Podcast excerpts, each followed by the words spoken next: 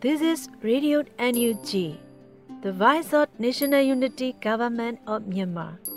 broadcasting for Myanmar Supreme Revolution. Radio NUG is transmitted from shortwave 16 meter, 17.71 MHz at 8 a.m. and 25 meter, 11.965 MHz at 8 p.m. Myanmar Standard Time. မင်္ဂလာပါရှင်။ မြို့သားညီညွတ်ရေးအစိုးရရဲ့အသံလွှင့်ဌာနရေဒီယို NUG ကိုမနက်၈နိုင်မှလိုင်းဒို16မီတာ19.7 MHz ညပိုင်း၈နိုင်မှလိုင်းဒို25မီတာ17.665 MHz တို့မှာဓာတ်ရိုက်ဖမ်းယူနာဆင်နိုင်ပါပြီ။မင်္ဂလာအပေါင်းနဲ့ပြည့်စုံကြပါစေ။ခုချိန်ကစပြီး Radio NUG အစီအစဉ်တွေကို ဓာတ်ရိုက်အသံလွှင့်ပေးနေပါမယ်ရှင်။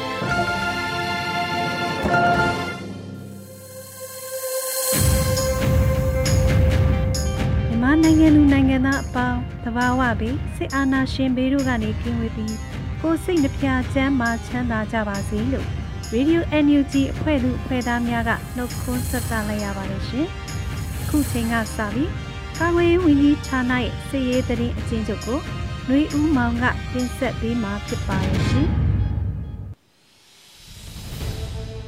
ယခုတင်ဆက်ပေးမှာကတော့ကာကွယ်ရေးဝန်ကြီးဌာနမှပေးအပ်လာတဲ့စစ်ရေးသတင်းအချင်းချုပ်ပဲဖြစ်ပါတယ်။ကျွန်တော်ကတော့ຫນွေဦးမောင်ပါ။စစ်ကောင်စီနဲ့တိုက်ပွဲဖြစ်ပွားမှုသတင်းများကိုတင်ဆက်ပေးပါမယ်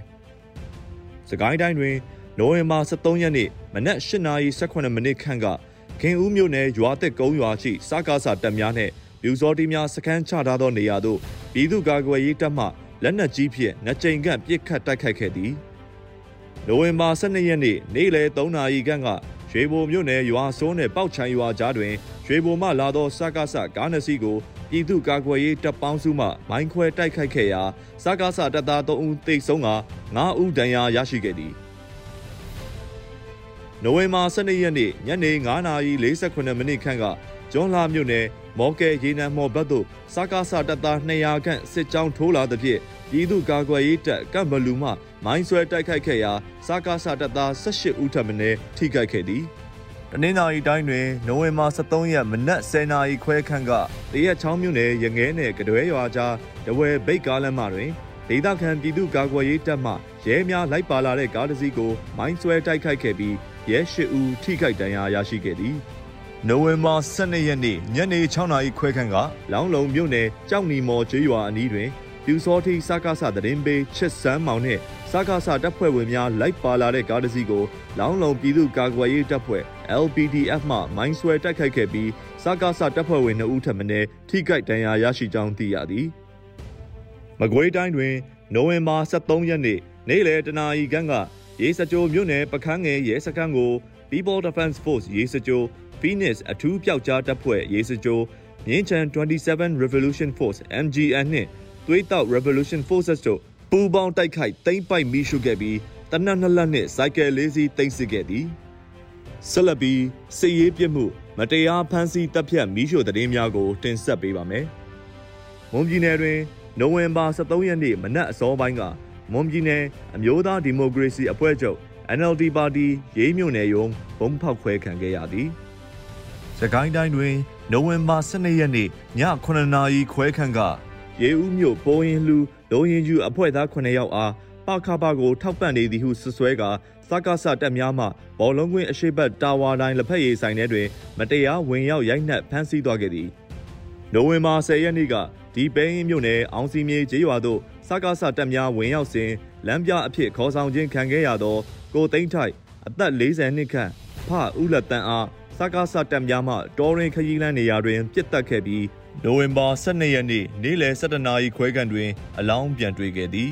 ။အကွေးတိုင်းတွင်နိုဝင်ဘာ23ရက်မနက်10နာရီခန့်ကပခုတ်ကူမြို့နယ်ကံမမြို့တွင်မန္တလေးမှလာသောမင်းတပ်သွားမဲ့ CDM ဆရာဝန်အမျိုးသမီး2ဦးနှင့်အမျိုးသား2ဦးကိုစကားဆမှဖမ်းဆီးထိန်းသိမ်းခဲ့သည်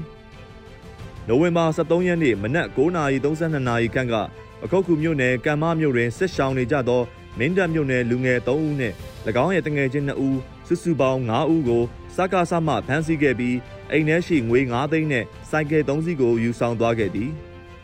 နိုဝင်ဘာ23ရက်နေ့မနက်ပိုင်းကစစောမြို့နယ်တောင်တက်ရွာတွင်စကားဆတပ်သားများမှရွာသားအချို့ကိုစံများအတင်းအဓမ္မတဲစေခဲ့သည်နိုဝင်ဘာ23ရက်မနက်2နာရီခန့်က6မြို့နယ်ရသက်ကျေးရွာသို့စကားဆတပ်သားများရောက်ရှိလာပြီး ကျေးရွာသူရွာသားအပေါင်းအယောက်20ကို PDF ဖွဲ့စည်းထားသည်ဟုဆွဆွဲကဖမ်းဆီးသွားခဲ့ပြီးအဖိုးတန်ရွှေငွေများနဲ့ကားတစ်စီးပါယူသွားခဲ့သည်နိုဝင်ဘာ23ရက်နေ့ကကမ်းမမြို့နယ်ရှိပြည်သူ့လွှတ်တော်ကိုယ်စားလှယ်ဦးမျိုးမင်းဦးနေအိမ် NLD ပါတီဝင်များဖြစ်ကြသည့် NLD မြို့နယ် EC ဦးတင်စော်နှင့်ပေကြရွာမှမတ်အုံမာတို့ရဲ့နေအိမ်များအားစကားဆမှချိတ်ပိတ်ခဲ့သည်မန္တလေးတိုင်းတွင်နိုဝင်ဘာ23ရက်မနက်7:00နာရီခွဲခန့်က တောင်သာမြို့နယ်ဝဲလောင်ကျေးရွာအုပ်ချုပ်ရေးမှူးဟောင်းရဲ့ဇနီးနဲ့မွေးစားသားဖြစ်သူကိုစကားဆမှအကြမ်းဖက်ဖမ်းဆီးခေါ်ဆောင်သွားခဲ့သည်နိုဝင်ဘာ12ရက်နေ့ညနေ9:00နာရီခန့်ကညောင်ဦးမြို့နယ်ပုတ်ပါမြို့ရှိဒေါ်ခင်ကြီးဖောင်ဒေးရှင်းအခမဲ့ကွန်ပျူတာသင်တန်းကျောင်းနဲ့စာကြည့်တိုက်ကိုစကားဆများနဲ့ပြူစောထီးများမှမီးရှို့ဖျက်ဆီးခဲ့သည်နိုဝင်ဘာ12ရက်နေ့မြင်းကြံမြို့နယ်နဘူးအိုင်ကျေးရွာရှိအိမ်လေးလုံးကိုစကားဆများဝင်ရောက်ရှာဖွေခဲ့ပြီး NLD ဆိုင်းမုတ်ချိတ်ထားတဲ့အိမ်မှကိုစော်လင်းကိုအကြမ်းဖက်ဖမ်းဆီးသွားခဲ့သည်နိုဝင်ဘာ12ရက်နေ့နေ့လယ်12နာရီခွဲခန့်ကမတရားမြို့နယ်မြို့တိရဲ့အမှတ်2ရပ်ကွက်တွင်နေထိုင်သော CDM ဝင်ထားတဲ့အထက်တန်းပြဆရာငိမ့်သူအောင်နှင့်ဇနီးဆရာမမေသူအေးတို့အား CDM များကိုထောက်ပံ့သည်ဟုဆိုကာအကြမ်းဖက်စကားဆများမှရိုက်နှက်ဖမ်းဆီးသွားခဲ့သည်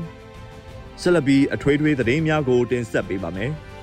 နိုဝင်ဘာ23ရက်နေ့ကပကုတ်ကူမြို့နယ်မြစ်ချေမြို့အမှတ်နှစ်ထနောင်းရက်ကွက်မှအုပ်ချုပ်ရေးမှူးဦးထေးလွင်သည်ကျမ်းမာရေးအခြေအနေကြောင့်အုပ်ချုပ်ရေးမှူးတာဝန်မှနှုတ်ထွက်ခွင့်ပြုရန်အတွက်စားတင်ထားပြီးမြစ်ချေမြို့၏ပထမဆုံးနှုတ်ထွက်သောအုပ်ချုပ်ရေးမှူးဖြစ်သည်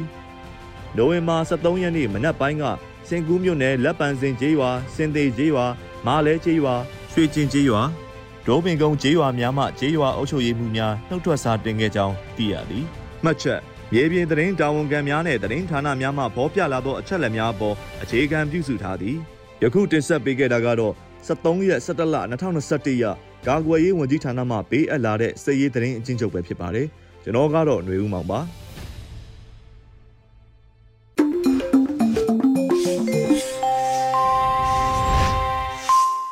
ဆက်လက်ပြီးပြည်တွင်းသတင်းများကိုຫນွေဦးမွန်နဲ့ຫນွေဦးမှုကဖတ်ကြားပေးမှာဖြစ်ပါတယ်ရှင်။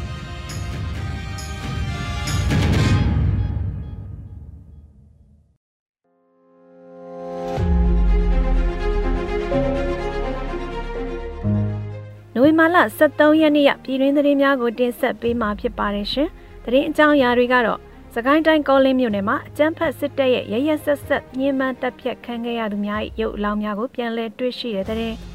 ကပူဒန်းစစ်ရှောင်းများရဲ့တောင်ယာခင်းစပားမဖြစ်ထွန်းတာကြောင့်အခက်ကြုံနေရတဲ့တဲ့နဲ့အောင်မန်းမြို့နယ်မှာចောင်းသားမိဘများကိုစစ်ကောင်စီလက်အောက်ခံကျောင်းဆရာဆရာမများကအတင်းအဓမ္မကျောင်းအနှံခိုင်းနေတဲ့သတင်းတွေကိုတင်ဆက်ပေးသွားမှာဖြစ်ပါတယ်။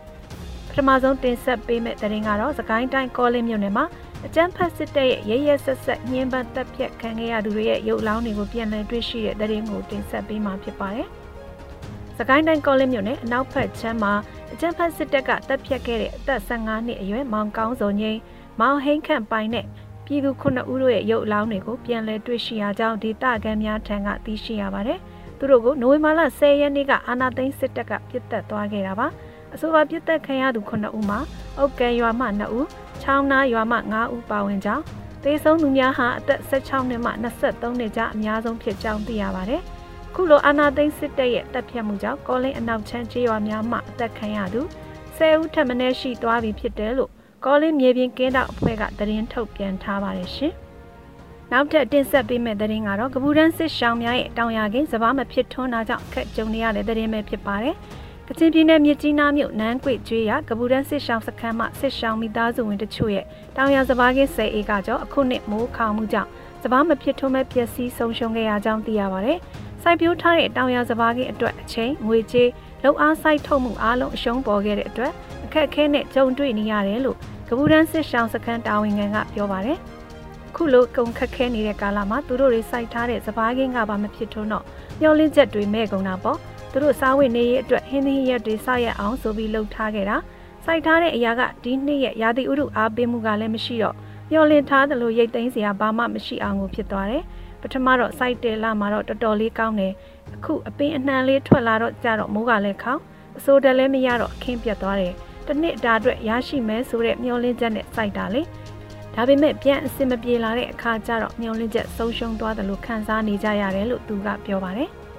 လက်ရှိ COVID-19 ရောဂါဖြစ်ပွားတဲ့ကာလမှာကပူတန်းစစ်ဆောင်ပြည်သူတွေရဲ့စားဝတ်နေရေးနဲ့ကျန်းမာရေးအသုံးဆောင်တွေကိုလုံလောက်စွာထောက်ပံ့ပေးနိုင်မဲ့အလူရှင်လိုအပ်နေသေးကြောင်းလည်းသူကဆက်ပြောထားပါတယ်။ကိုဗစ်ကြောင့်သွားလာလို့ကလည်းအဆင်မပြေစိုက်ထားတဲ့စပားတွေကလည်းပြတ်သွားတော့သူတို့စားဝတ်နေရေးကအရင်ခတ်သွားပြီ။တခါတလေတော့အလူရှင်တွေရှိတယ်။ပထမကစားဝတ်နေရေးဒုတိယကကျန်းမာရေးအထွေထွေဝယ်သုံးဖို့တောင်ခက်ခဲကြတယ်လို့သူကပြောပါတယ်။ဆိုပါကပူတန်းကျေးရွာမှာရှိတဲ့စစ်ရှောင်းပြည်သူတွေဟာ 2019ခုနှစ်ကဟူကောင်းလီဒိုလန်းမှာပေါ့တိန်ကောက်ကျေးရွာအနီးစစ်ကောင်စီနဲ့ကချင်လွတ်လပ်ရေးတပ်မတော် KIA တို့တိုက်ပွဲကြားထွက်ပြေးတိမ်းရှောင်ခဲ့ရတဲ့ရဝမ်ကုန်းကျေးရွာသားတွေဖြစ်ကြပါတယ်။လက်ရှိကပူတန်းစစ်ရှောင်းစခန်းမှာအိမ်အောင်စု14စုနဲ့လူဦးရေစုစုပေါင်း43ဦးရှိကြောင်းသိရပါတယ်ရှင်။ကြန့်ရှိတဲ့သတင်းတွေကိုတော့ຫນွေဦးမိုးကဆက်လက်တင်ဆက်ပေးမှာဖြစ်ပါတယ်။ကျွန်မຫນွေဦးမိုးပါ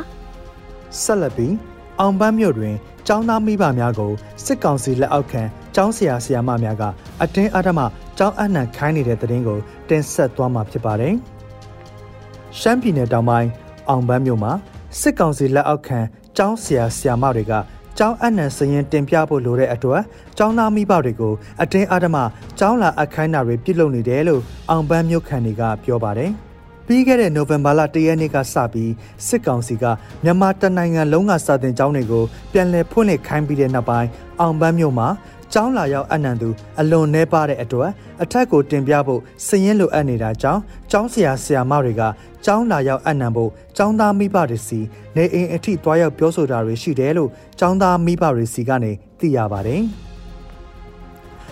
နိုဝင်ဘာ၁ရက်နေ့ကကျောင်းတွေအကုန်ပြန်ဖွင့်ရမယ်လို့သတင်းကြားကြတဲ့က မိဘတွေတော်တော်များများကကလေးတွေကိုကျောင်းပိတ်တက်ဖို့အစီအစဉ်ကိုမရှိကြဘူးကျောင်းလဲသွားမအပ်ဘူးအဲ့ဒါကိုဆရာမတွေကအိမ်ထိလာပြီးကျောင်းနေရမယ်ကလေးအရွယ်တွေရှိရင်ကျောင်းလာအပ်ဖို့ပြောတယ်ကျောင်းမတက်ချင်နေကျောင်းတော့လာအပ်ရမယ်လို့ဒါပြောသွားတယ်သူတို့စရင်ပြရမယ်စရင်မရှိလို့မဖြစ်ဘူးသူတို့ကိုအခက်တွေ့အောင်မလုပ်ကြပါနဲ့ဆိုပြီးလာပြောသွားတယ်လို့အောင်ပန်းဒေတာခန်တူကပြောပါတယ်ကိုဗစ်ကပ်ရောဂါနဲ့နိုင်ငံရေးတွေကြား ကလေးတွေကိုကျောင်းစေလွတ်ဖို့လုံခြုံရေးအရာစိုးရိမ်နေရတဲ့အပြင်စစ်ကောင်စီလက်အောက်ပညာရေးမှာပညာသင်ယူမှုမပြုလုပ်စေချင်ဘူးလို့ကျောင်းသားမိဘတအူးကအခုလိုပြောပါတယ်။ကိုဗစ်ကလည်းပြီးသေးတာမဟုတ်ဘူး။နိုင်ငံရေးအခြေအနေကလည်းသိတဲ့အတိုင်းလေကျမတို့အောင်ဘက်မှာခဏခဏတနက်တန်တွေကြားနေရတာဒီလိုအခြေအနေမှာကုတ်ကလေးကိုဘသူကလှုပ်ရဲမလဲစစ်ပွဲမရှိလဲသူတို့လက်အောက်ခံကပညာရေးကို မတင်ယူစေချင်ပါဘူး ကျမတို့ကလေးပညာရေးနောက်ကြလဲကိစ္စမရှိဘူးလို့အမည်မဖော်လို့တဲ့ចောင်းသားမိဘတအူးကပြောပါတယ်။အောင်ပန်းမြို့အတွင်းနိုဝင်ဘာ၁ရက်နေ့ကစပြီးစာတင်ကျောင်းတွေစတင်ဖွင့်လှစ်ခဲ့ပေမဲ့တက်ရောက်သူ၁၀ကနန်းသာရှိတာကြောင့်ကျောင်းဆရာဆရာမတွေကခုလိုလိုက်လံစည်ရင်းကောက်ပြီးကျောင်းတွေအရွယ်ကလေးတွေကိုကျောင်းလာရောက်အနံဖို့အတင်းအကျပ်စိတ်ခမ်းနေတာဖြစ်တယ်လို့သိရပါတယ်။ဟုတ်ကဲ့ကျွန်တော်ຫນွေဦးမိုးပါ။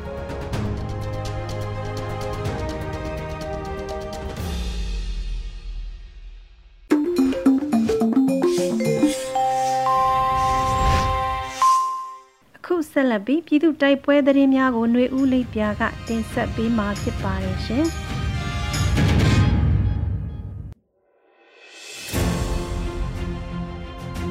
ပထမဆုံးအနေနဲ့ရန်ကုန်ကော့မူတွင်စစ်ကောင်စီကင်းလှည့်ရင်နှစီးကို PDF ကတိုက်ခိုက်လို့စစ်သား2ဦးအပြင်းအထန်ဒဏ်ရာရတဲ့တဲ့တင်တင်ဆက်ပါမယ်။ရန်ကုန်တိုင်းကော့မူမြို့နယ်တွင်စစ်ကောင်စီ၏ကင်းလှည့်ရင်နှစီးကို PDF ကယနေ့တိုက်ခိုက်လိုက်ပြီးစစ်သား2ဦးအပြင်းထန်ဒဏ်ရာရရှောင်း ရန်ကုန်တိုင်းစစ်သေးသားခွဲကုကဲရေးအဖွဲ့ကသတင်းထုတ်ပြန်ပါတယ်။ကော့မှုမြို့နယ်မကြီးကန်ရွာနောက်ဖက်ရှိကြိုက်ထောကားလမ်းမပေါ်မှာမင်းအောင်လိုင်းစစ်တပ်ကင်းလဲရင်ငယ်နှုတ်စီးကိုယနေ့ညနေ9:00နာရီကျော်ခန့်မှာရန်ကုန်တိုင်းစစ်သေးသားခွဲကုကဲရေးအဖွဲ့၏ပြည်သူတော်လှန်ရေးအင်အားစုများကပြစ်ခတ်တိုက်ခိုက်ခဲ့ကြောင်းပြစ်ခတ်မှုကြောင့်ကားပေါ်ပါလာသည့်စစ်သား2ဦးဒဏ်ရာပြင်းထန်စွာရရှိခဲ့ပြီးပြန်လည်ပြစ်ခတ်နိုင်ခြင်းမရှိဘဲဆုတ်ခွာထွက်ပြေးသွားခဲ့ကြောင်းသတင်းထုတ်ပြန်ချက်တွင်ဖော်ပြထားတာပါ။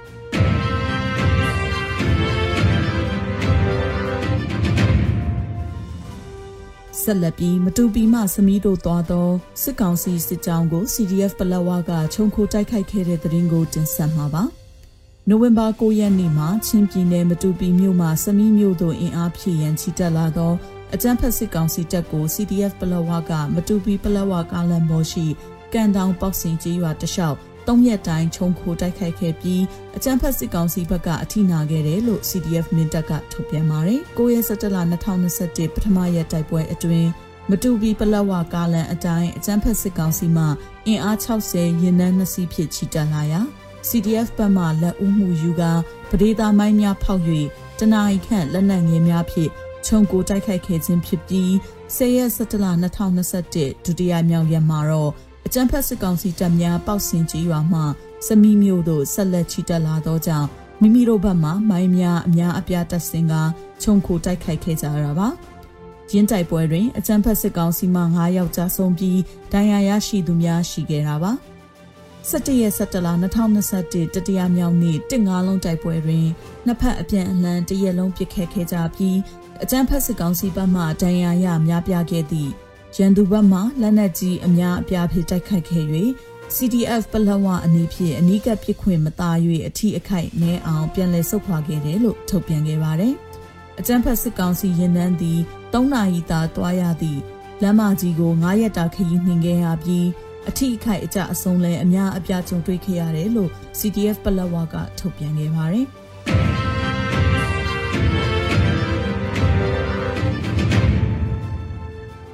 နောက်ဆုံးအနေနဲ့အမျိုးသားညီညွတ်ရေးအစိုးရပြည်ထရေးနဲ့လူဝင်မှုကြီးကြပ်ရေးဝန်ကြီးဌာနကနိုဝင်ဘာ23ရက်ရက်စွဲနဲ့ထုတ်ပြန်တဲ့ပြည်သူ့ခုခံတော်လှန်စစ်တရင်အချက်အလက်တွေကိုတင်ဆက်ပေးသွားမှာပါ။အာနာသိန်းအကြမ်းဖက်စစ်အုပ်စု၏ပြည်သူလူထုအပေါ်အကြမ်းဖက်ဖိနှိပ်ဖန်ဆီးတိုက်ခိုက်တပ်ဖြတ်နေမှုများကိုပြည်သူလူထုတရက်လုံးကအသက်ရှင်သန်ရေးအတွက်မိမိကိုယ်ကိုမိမိခုခံကာကွယ်ပိုင်ခွင့်အရာပြည်သူ့ခန့်စစ် People Defensive War ကိုဆင်နွှဲလျက်ရှိပါတယ်။တရင်ချက်လက်များအရာ စနေရက်17လ2021ရက်နေ့တွင်စစ်ကောင်စီတပ်ဖွဲ့ဝင်62ဦးသေဆုံးပြီးထိခိုက်ဒဏ်ရာရရှိသူ10ဦးအထိခုခံတိုက်ခိုက်နိုင်ခဲ့ပါတယ်။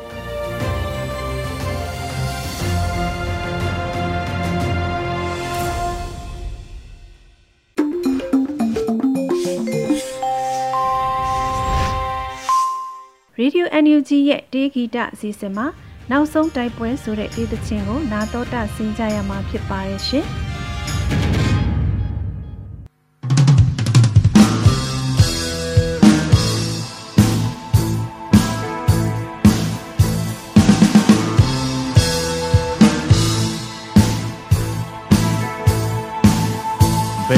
ယ်လိုမှထိန်ချုံမရဘယ်လိုမှတာစီမရခိုင်မာတဲ့ငါတို့ရဲ့စန္ဒစင်မနဲ့ဒီမိုကရေစီလွယ်လွယ်နဲ့များဘိုးကြီးမငါတို့တည်တယ်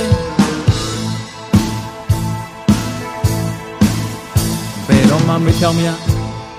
ဘယ်လိုမှခွင်လို့မရအတားနဲ့ရေးခဲ့တယ်တမိုင်းများ စင်မနဲ့ဒီမိုကရေစီလွယ်လွယ်နဲ့များပေးစမှုကြီးမှငါတို့တည်တယ်ဘယ်လိုခက်ခဲနေစေမာရပေးစရစေငါတို့နာခတ်တွေမြစ်ချုံမဲ့တိုက်ပွဲဘယ်လောက်တန်းနေစေမာရပေးစရစေအာနာရှင်တွေဆုံးသမဲ့နောက်ဆုံးတိုက်ပွဲ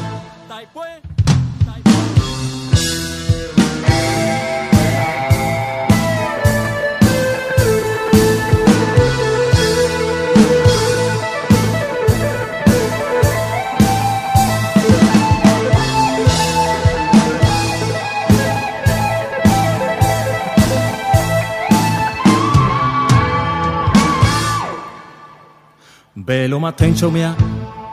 ဘယ်လိုမှတာစီမရခိုင်မာတဲ့ငါတို့ရဲ့စန္ဒစိတ်မှန်တဲ့ဒီမိုကရေစီ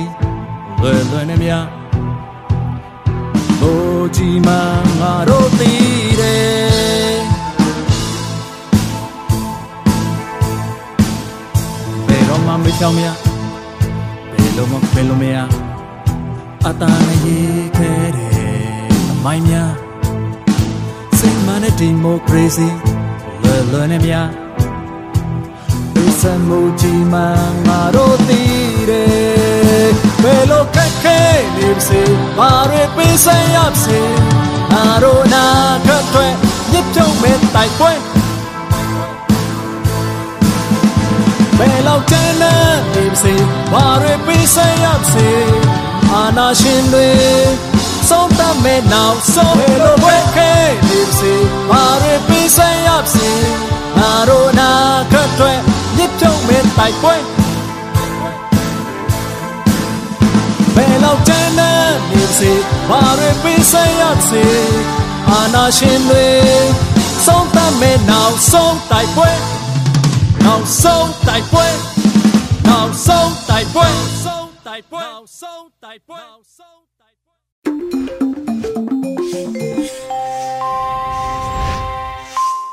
ဒီကနေ့ရဲ့နေ့စဉ်သတင်းတင်ဆက်မှုကိုနန်းဖြိုးကတင်ဆက်ပေးမှာပဲဖြစ်ပါရဲ့ရှင်။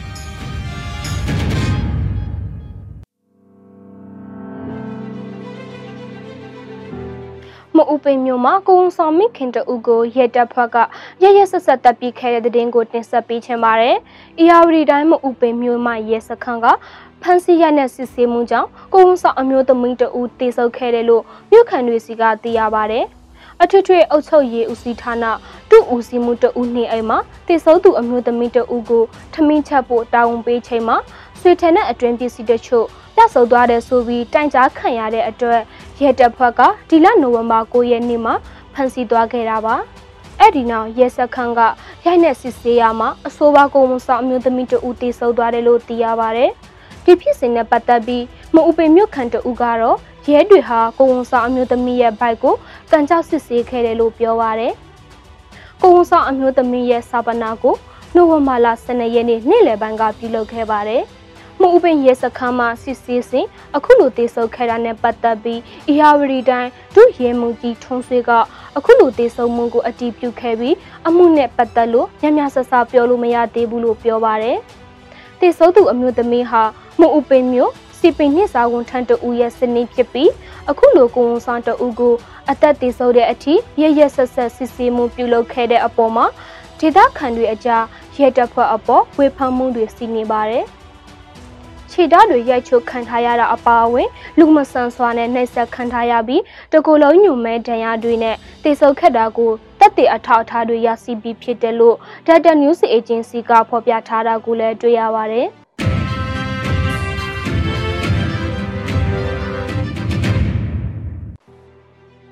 စစ်တပ်ကအာဏာသိမ်းချိန်ကစပြီးတည်င်းသမားတွေအနေနဲ့ကြီးမားတဲ့အကြက်အတဲရင်ဆိုင်နေရတယ်လို့ကုလသမဂ္ဂကတည်င်းထုတ်ပြန်ခဲ့တဲ့တည်င်းကိုတင်ဆက်ပေးချင်ပါတယ်။စစ်တပ်ကအာဏာသိမ်းပြီးချိန်ကစပြီးတော့ မြန်မာနိုင်ငံအတွင်းကတည်င်းသမားတွေအနေနဲ့ကြီးမားတဲ့အကြက်အတဲတွေနဲ့ရင်ဆိုင်နေရတယ်လို့ကုလသမဂ္ဂအတွင်းရေးမှူးချုပ်ရုံးတည်င်းစာစင်းလင်းပွဲမှာအတွင်းရေးမှူးချုပ်ရဲ့ပြောရေးဆိုခွင့်စီသူကပြောလိုက်တာပါ။ကုလသမဂ္ဂအတွင်းရေးမှူးချုပ်ရဲ့ဒုတိယပြောရေးဆိုခွင့်စီသူ ဖာဟန်ဟက်ကတည်င်းသမားတွေကိုစစ်တပ်ခုံရုံးမှာတရားမျှတမှုမရှိဘဲတကားပဲအမုံစစ်ဆေးပြီးပြင်းထန်တဲ့စီရင်ချက်ချတာကိုကြည့်ပြီးမြန်မာနိုင်ငံအတွင်းကတည်င်းသမားတွေအဖို့ကြီးမားတဲ့အကျက်အတဲတွေနဲ့ရင်ဆိုင်နေရပြီးဆိုတာထင်ရှားတယ်လို့ပြောပါတယ်။ အာနာသိပ်ပြီးချိန်ကစလို့တည်င်းသမား126ယောက်အထိကိုဖမ်းဆီးခဲ့တယ်လို့အဲ့ဒီအထက်က48ယောက်ကလက်ရှိအဖမ်းခံထားရဆဲဖြစ်ပါတယ်။အဖမ်းခံထားရတဲ့48ယောက်ထက်ကအရ90ကတော့လုပ်ငန်းခွင်တည်င်းရယူရင်ဖမ်းဆီးခံထားရတာဖြစ်တယ်လို့ဖာဟန်ဟက်ကဆက်ပြောပါတယ်။အကြံဖတ်စစ်ကောင်စီကအာနာသိပ်ပြီးနောက်တည်င်းလွတ်လပ်ခွင့်ကိုလိုက်ပိတ်ပင်နေခဲ့တာပါ။ ပြည်တွင်းကနမဲကျော်သတင်းဌာနတစ်ခုဖြစ်တဲ့7 day သတင်းစာအပါအဝင်မှတ်ပုံတင်ထားတဲ့သတင်းဌာနကိုခုအထိထုတ်ဝေခွင့်ပိတ်သိမ်းခဲ့တာပါအဲ့ဒီလိုသတင်းသမားတွေအပေါ်မှာပြည်မှတ်ထားဖန်ဆီးနေတာကြောင့်လည်းပြည်တွင်းကသတင်းသမားတွေအနေနဲ့အဖမ်းမခံရရေးအတွက်ဆောင်ပုတ်နေရပါတယ်။နယ်စည်းမခြားသတင်းသမားများအဖွဲ့ကနေ့စဉ်ထုတ်ပြန်လျက်ရှိတဲ့ကမ္ဘာသတင်းလွတ်လပ်ခွင့်အညွှန်ကိန်းမှာတော့2021ခုနှစ်အတွက် နိုင်ငံပေါင်း180ထဲမှာတော့မြန်မာနိုင်ငံကအဆင့်140အဖြစ်သတ်မှတ်ထားတာလည်းတွေ့ရပါတယ်။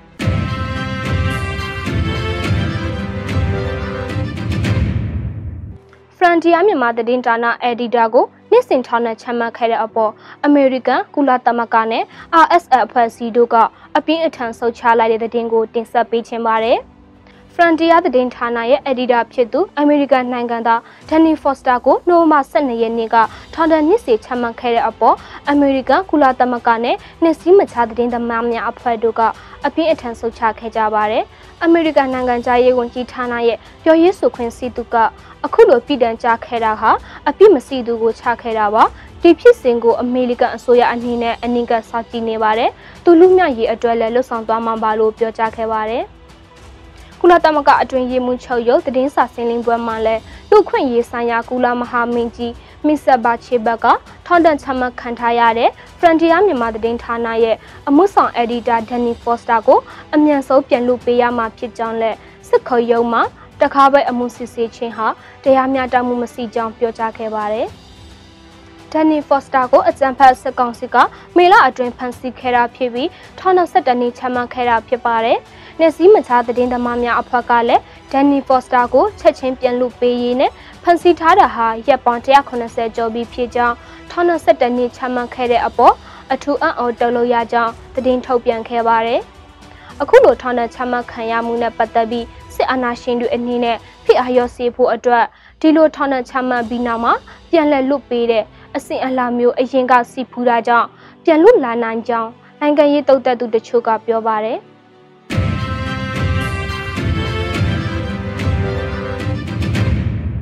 မြန်မာနိုင်ငံတော်ဝန်ကလူမျိုးပေါင်းစုံဘာသာပေါင်းစုံပါဝင်တဲ့ရှစ်အာဏာရှင်အမြင့်ပြည့်ချေမွေးလူထုဆန္ဒပြပွဲသတင်းတွေကိုစုစည်းတင်ဆက်ပေးမှာဖြစ်ပါတယ်။စကိုင်းတိုင်းရွှေဘုံမြို့နယ်ကျေးရွာတရွာကနေ့စဉ်မပြတ်ချီတက်နေတဲ့ဒေါ်လာမြူသူတွေဟာဒီကနေ့မှလည်း Federal Democracy ပေါ်ပေါက်ရေးစစ်အာဏာရှင်စဆိုးရေးကြွေးကြော်ချီတဲ့ဆန္ဒပြခဲ့ကြပါတယ်။စကိုင်းတိုင်းရင်းမာပိန်အရှိချမ်းနဲ့စာလင်ကြီးမြောက်ချမ်းရွာပေါင်းစုတပိတ်စစ်ကြောင်းကတော်လန်ပြည်သူတွေဟာစုပေါင်းပြီး စစ်အာဏာရှင်အမြင့်ပြည့်ချေမုံရေး248ရက်မြောက်နေ့အဖြစ်ချီတဲ့ဆန္ဒပြခဲ့ကြပါတယ်။စကိုင်းတိုင်းကလေးမြို့ကတော်လန်ပြည်သူတွေဟာစစ်အာဏာရှင်ကိုစန့်ကျင်တော်လှန်တဲ့ရပ်ပေါင်း289ရက်မြောက်နေ့အဖြစ်အကြံဖတ်စစ်ကောင်စီကိုပြည်သူတရခွင်မှသာစီရင်ဖို့ငါတို့အလိုစီတီဆိုတဲ့ခေါင်းစည်းစာတမ်းကိုကန်ဆောင်ပြီးချီတက်ဆန္ဒပြခဲ့ကြပါတယ်။ကချင်ပြည်နယ်ဖာကမြို့ကတိုင်းသားလူမျိုးပေါင်းစုံတပိတ်စစ်ကြောင်းကတော်လန်ပြည်သူတွေဟာ ပြည်သူမိတာအင်းနဲ့အားနဲ့ PDF နဲ့ KIA ကျမ်းမာပါစေပြည်သူတွေကိုကာကွယ်ပေးနေ KIA ဆိုပြီးကြွေးကြော်ချီတဲ့ဆန္ဒပြခဲ့ကြပါတယ်။ဒါကတော့နိုဝင်ဘာ23ရက်နေ့နေ့လယ်2နာရီအချိန်ထိရရှိထားတဲ့စစ်အာဏာရှင်အမြင့်ပြည့်ချေမုံရေးလူထုဆန္ဒပြပွဲသတင်းတွေကိုစုစည်းတင်ဆက်ပေးခဲ့တာဖြစ်ပါတယ်။ဆန္ဒပြပွဲသတင်းတွေကိုတော့ခေတ်သစ်သတင်းဌာန Facebook စာမျက်နှာကနေတဆင့်ကိုကောက်ဖော်ပြခဲ့တာဖြစ်ပါတယ်။ကျေးဇူးတင်ပါတယ်ရှင်။။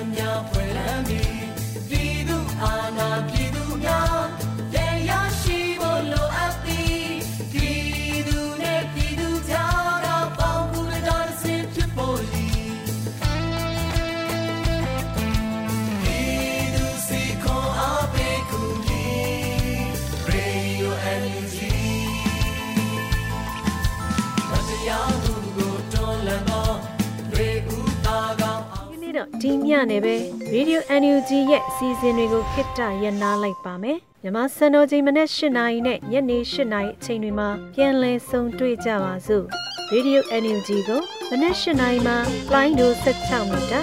19.7 MHz ညပိုင်း၈နာရီမှာ line ဒို25မီတာ17.665 MHz တို့မှာဓာတ်ရိုက်ဖမ်းယူနာဆင်နိုင်ပါပြီ။မြန်မာနိုင်ငံသူနိုင်ငံသားများကိုစိတ်နှဖျားချမ်းမာချမ်းသာလို့ ဘေးကင်းလုံခြုံကြပါစေလို့ Radio NUG ဖွဲ့သူဖွဲ့သားများကဆုတောင်းလိုက်ရပါတယ်။မြို့သားညီညွတ်ရေးအစိုးရရဲ့စက်သွယ်ရေးတည်အချက်လက်နဲ့ဤပညာဝန်ကြီးဌာနကထုတ်လွှင့်နေတဲ့ Radio NUG ဖြစ်ပါတယ်။ San Francisco Bay Area အခြေစိုက်မြန်မာမိသားစုများနဲ့နိုင်ငံတကာကစေတနာရှင်များလုံအားပေးများရဲ့ Radio NUG ဖြစ်ပါတယ်။ရှေးတော်ပုံအောင်ရမည်